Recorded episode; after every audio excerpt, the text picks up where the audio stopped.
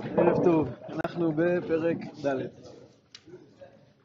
ויהי כאשר תמו כל הגוי לעבור את הירדן. ויאמר אדוני אל יהושע לאמור, קחו לכם מן העם שנים עשר אנשים, איש אחד איש אחד משבת. וצוו אותם לאמור, שאו לכם מזה מתוך הירדן, ממצב רגלי הכהנים, הכין שתים עשרה אבנים, ועברתם אותם עמכם, והנחתם אותם במלון אשר תלינו בו הלילה. החלק הראשון של הפסוק זה הכותרת של הפרק, זה לא שאחרי שכולם עברו אז הקדוש ברוך הוא אמר ליהושע, אלא ויהי אנחנו הולכים לספר איך התחולל המעבר עד סופו, אבל הציווי היה כמובן קודם לכן. ויקרא יהושע אל שנים העשר איש אשר הכין מבני ישראל, איש אחד איש אחד משבת. ויאמר להם יהושע עברו לפני ארון אדוני אלוהיכם אל תוך הירדן, והרימו לכם איש אבן אחת על שכמו למספר שבטי בני ישראל. למען תהיה זאת אות בקרבכם, כי ישאלון בניכם מחר לאמור מה האבנים האלה לכם. ואמרתם להם אשר נכרתו ממי הירדן מפני ארון ברית אדוני בעוברו בירדן נכרתו מהירדן, והיו האבנים האלה לזיכרון לבני ישראל עד עולם. ויעשו כן בני ישראל כאשר ציווה יהושע. ויישאו שתי עשרה אבנים מתוך הירדן כאשר דיבר אדוני אל יהושע למספר שבטי בני ישראל. ויעבירום עמם אל המלון ויניחום שם. ושתים עשרה אבנים הקים יהושע בתוך הירדן, תחת מצב רגלי הכהנים נושאי ארון הברית, ויהיו שם עד היום הזה. והכהנים נושאי הארון עומדים בתוך הירדן עד תום כל הדבר אשר ציווה אדוני את יהושע לדבר אל העם, ככל אשר ציווה משה את יהושע, וימהרו העם ויעבורו. ויהי כאשר תם כל העם לעבור, ויעבור ארון אדוני והכהנים לפני העם. ויעברו בני ראובן ובני גד וחצי שבט המנשה חמושים לפני בני ישראל כאשר דיבר עליהם משה. כארבעים אלף חלוצי הצבא עברו לפני אדוני למלחמה אל ערבות יריחו. כן, בסוף, בסוגריים, מספרים שתדעו שהראשונים שעברו זה באמת בני ראובן ובני גד כחלוצים. ביום ההוא גידל אדוני את יהושע בני כל ישראל, ויראו אותו כאשר יראו את משה כל ימי חייו. כן, ויראו העם ויאמינו בהשם.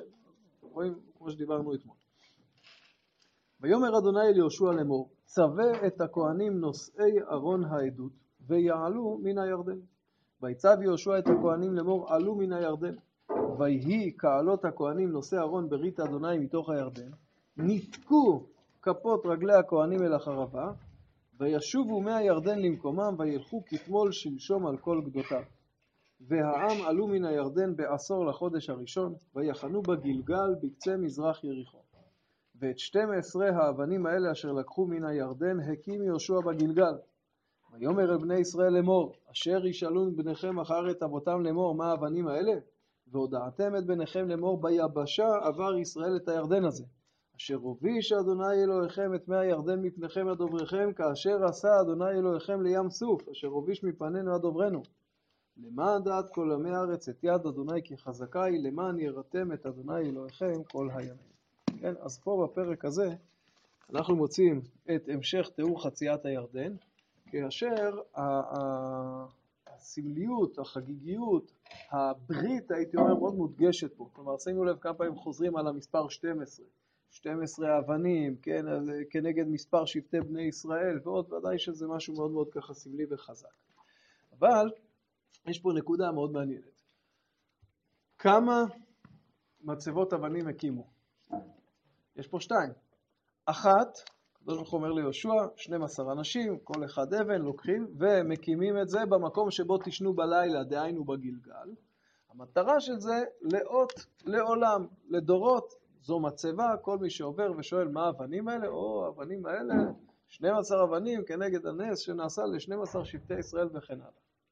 אבל מלבד האבנים הללו, יש 12 אבנים נוספות, כן, פסוק ט', ו-12 אבנים הקים יהושע בתוך הירדן, כן, בתוך הירדן. מה המשמעות של האבנים האלה? האבנים האלה הם פה עד עצם היום הזה, לכו תחפרו, כן, הם, המים חזרו לשטוף אותם, מה הנקודה? קורה פה דבר מדהים. עכשיו שימו לב, לא רק שהוא מקים, כתוב שהכהנים, בפסוק י', הכהנים עומדים בתוך הירדן עד תום כל הדבר אשר ציווה השם את יהושע לדבר אל העם. משמע מתוך זה, שמה שקורה פה זה בני ישראל חוצים. עכשיו בואו ננסה לדמיין את התמונה. אנחנו מדברים על כמה מיליוני אנשים, נכון? כי הרי 60 ריבו רק הגברים, תכפילו עם הבהמות, עם הזה. זאת אומרת, זה משהו אדיר. עכשיו, כל המקום הזה היה אמור להיות מים. איפה המים שהיו אמורים להיות? הם, הם, לא, הם לא התייבשו. הם באו, ואז הם הגיעו לפה, הופ, הם עולים לגובה. איזה גל באיזה גובה נמצא כרגע מעל הראשים של בני ישראל? זאת אתה עומד פה, ומעליך יש איזה גל בכמה מאות מטרים שכאילו... ובמקום הזה עומד יהושע ומדבר עם בני ישראל. חז"ל אומרים, שאומר להם, אתם עכשיו עוברים על מנת לקיים את ציווי השם להוריש את הארץ. אם תקיימו, מוטב, ואם לא, הגל הזה ישטוף אתכם. איזה... עכשיו, ככה אומרים חז"ל, אבל בהחלט יכול להיות, כתוב פה שהוא אמר את הדברים שמשה אמר לו. מה בדיוק הוא אמר אנחנו לא יודעים, אבל אין ספק שיש פה מעמד של ברית. אתם נכנסים על דעת לשמור את התורה והמצוות, כן? כי הרי יש ציווי נוסף על האבנים שנפגוש בהמשך, להקים את האבנים ושם לעשות את מעמד הברכה והקללה ולכתוב על זה את ספר התורה. כלומר, יש פה חיבור מאוד עמוק בין עם ישראל בכניסה לארץ ישראל, ויהושע פה מדבר איתם, ומסתבר שיש פה איזה ברית על קיום התורה, בין אם זה התורה כולה ובין אם זה מצוות ירושת הארץ. ומקימים את האבנים שם.